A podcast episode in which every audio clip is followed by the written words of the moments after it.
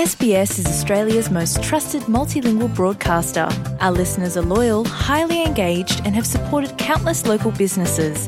We offer advertising packages for businesses of all sizes. Our experienced sales team will guide you through the process of owning a great campaign. Bring your own ad or have our production team make you something in one of our 68 languages. Start the conversation with your new audience today. Email sales at sbs.com.au. אתם עם SBS בעברית. Our guest today is Dvir Abramovich, the chairman of the Anti-Defamation Commission, which is the Australian legal civil rights organization fighting anti-Semitism. Shalom, Dr. Dvir Abramovich, and welcome to SBS Shalom Australia. Hello, Nitsa. Please call me Dvir. Dvir, I'd like to talk to you, especially when uh, we are so close to the International Holocaust Remembrance Day, about the resurgence of anti Semitism around the world, and in particular in Australia. How can we combat it? That's, uh, that's a very good question. Uh, I think there's no uh, magic formula or a recipe for dealing with uh, the oldest hatred and this ancient disease.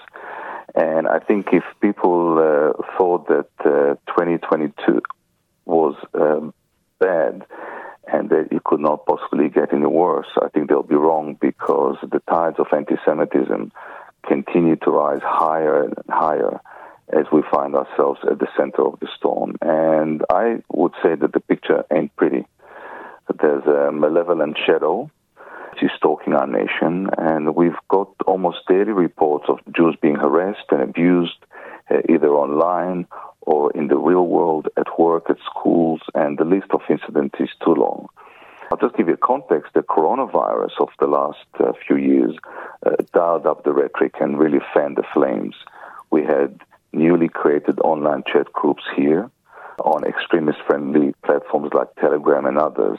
And they not just contain the usual myth of Jews creating the pandemic, but also threats of violence against our community. So the kind of scapegoating, the kind of slow burning poison that is amplified in cyberspace. And let's, let's remember that social media is the greatest propaganda machine of anti Semitism that the world has ever seen. So I think Jews feel like they're under siege. There are many parents who are afraid, and with good reason, because they know that there are many Jewish students today at public and private schools who are being harassed and intimidated and abused simply for being Jewish. Why do you think? I mean, you did mention the social media and COVID, and I think the economic situation around the world is not uh, uh, so promising at the moment. But why in Australia? I don't think we're isolated from the global trends. And if you look at uh, every single country uh, across uh, the globe, there's been a steady and dramatic rise in anti Semitism. I think there's a few reasons. I think that uh, the internet has given every bigot a megaphone so they can amplify their toxic and their poisonous rhetoric and they can spread their falsehoods and their conspiracy theories instantaneously uh, inexpensively and anonymously. I think that's one reason. I think the other reason is that we have too many social media posts, whether it is on Facebook or Instagram or TikTok, that are not being monitored and are not being uh, controlled properly by the big tech companies. The other issue, I think, which is very troubling, is that it seems that anti Semitism is uh, normalized. And the one thing that we haven't spoken about is that uh, a lot of people are using the anti-Israel, anti-Zionist uh, cover to promote and to spread classic anti-Semitic myths. You know that uh, the Jews are greedy, that the Jews are, are money hungry, that the Jews are cruel and vicious. So we often see what we call old wine in new bottles. Israel has now become the big Jew, and there's a growing hostile climate and environment for Jews here. So, do you connect it to the anti Israel sentiment? Absolutely. I, I think uh, a lot of people would say, look, uh, we are not uh, anti Semitic, but we are anti Zionists. And let's make something very clear hatred of Israel leads to hatred of Jews. Anti Semites attack us not for what we do, but for who we are. And I think that, you know, it's, it's almost as if anti Semitism and anti Zionism working together in concert. And I think that there are people who hate Jews, but they're using the pretext of saying, you know, hate Israel, and Israel is the new Nazi Germany. And the big agenda, in my view, today is to try and cancel out Israel and Zionism, to say you cannot be a good Jew if you support Israel. You cannot be a good Jew if you're a Zionist. And it seems that all taboos have fallen away. Hating Israel is becoming normal, whether it is through the BDS or whether it is through the demonization of Israel. So Jews are, in a sense, facing this uh, tsunami of hatred of all fronts from the anti Semites and from the anti Israel and anti Zionists. We're talking to Dr. Dvir Abramovich, the chairman of the Anti Defamation Commission, the Australian leading civil rights organization fighting anti Semitism, and you are listening to SBS Shalom Australia with Nitza Lowenstein. Dvir, so what is the importance of the International Holocaust Remembrance Day? Let us mention that uh, this is a day that was designated by the United Nations as an occasion to remember and honor the six million Jews and millions of Poles, Russians, Roma, the disabled, and political dissidents who were brutally exterminated in the death factories of the Nazis. I think that the Holocaust a reflective moment for us to take stock of what's happening and to actually reflect on what we can do. It's to me, it's always been a, a call to arms. It's been a rallying cry for us to make sure that never again doesn't become empty rhetoric. I think that the Holocaust teaches us numerous lessons. I think the first one is that there can be no greater failure than silence, and that silence is complicity. I think it was Bonhoeffer who said, when you don't say something, you're saying something. And when you don't do something, you're doing something. So the Holocaust carries important universal lessons that should be ingrained in our collective memory. And I always say that the horrors of the Holocaust did not begin in the gas chambers.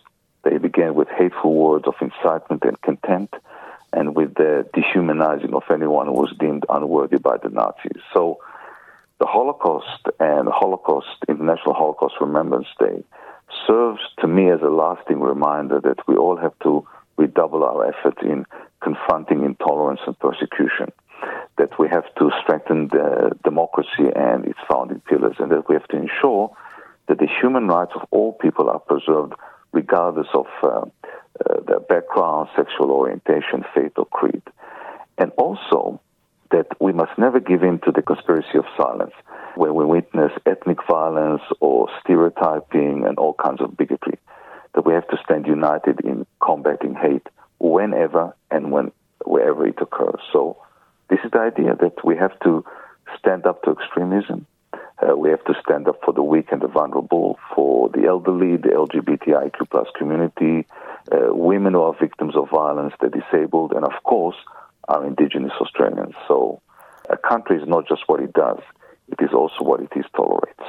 Dvir, what I'm worried about is that uh, our education system in Australia doesn't really teach about the Holocaust, and people are ignorant. If you can think that uh, the Premier of New South Wales, I mean, he expressed regret and he knows it was wrong, but when he was 21, 20 years ago, he thought it was fun to dress in Nazi uniform. It shows that our education system is lacking. He didn't understand what it means even at that time. I'll have something to say about uh, the, the Premier in a moment, but I do want to sort of give something positive and that is that over the last uh, two to three years, there's been a movement in Australia, and I've been one of the people uh, leading it, but there have been also other uh, organizations, individuals who've been advocating for it. And that is the, the importance of Holocaust ed- education. And I'm pleased to say, I'm very pleased to say, that governments uh, across the nation have been embracing this uh, push and have been instituting mandatory uh, Holocaust education. Now, look, when it comes to the New South Wales Premier, I, like many others across New South Wales, but I think the nation, were obviously shattered and saddened by this revelation. Uh, as I said at the time, wearing the Nazi uniform at any age is shameful. It is an act of enormous insensitivity. It is an affront to the victims and survivors.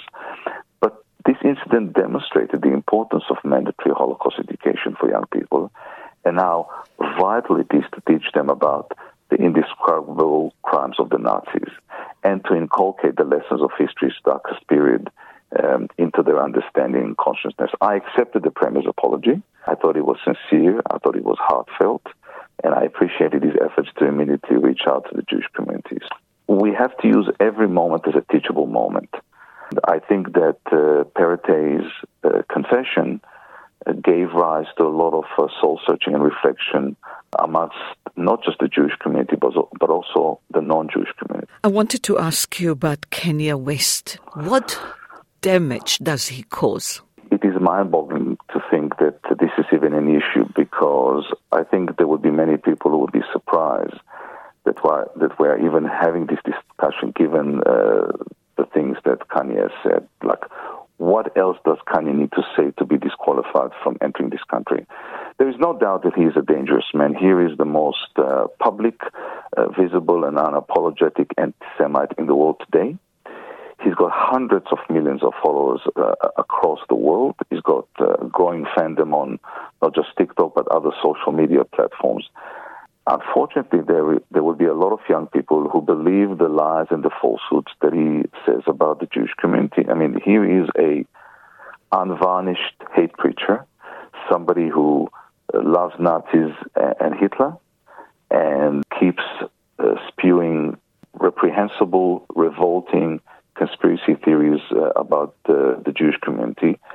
And we in the Jewish community know from history that you always have to be vigilant, that words can very quickly escalate into real life violence. And when people are constantly told by somebody like Kanye that the Jews are bad and that the Jews are evil and that uh, they control the media and government, you know, when they're fed all these uh, conspiracy theories, they may feel emboldened to demean, to degrade, and to carry out attacks against the Jewish community. So all it takes is one person hearing Kanye's rants against the Jewish community to say, I need to do something about this community. So I've called on the Minister for Immigration to deny Kanye's entry when he applies for visa because we need to send an unequivocal message that uh, any form of racism, any form of intolerance will never find a shelter in our country.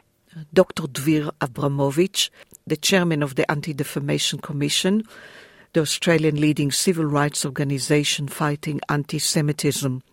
Thank you so much and good luck with your fight. עקבו אחרינו והפיצו אותנו דרך דף הפייסבוק שלנו.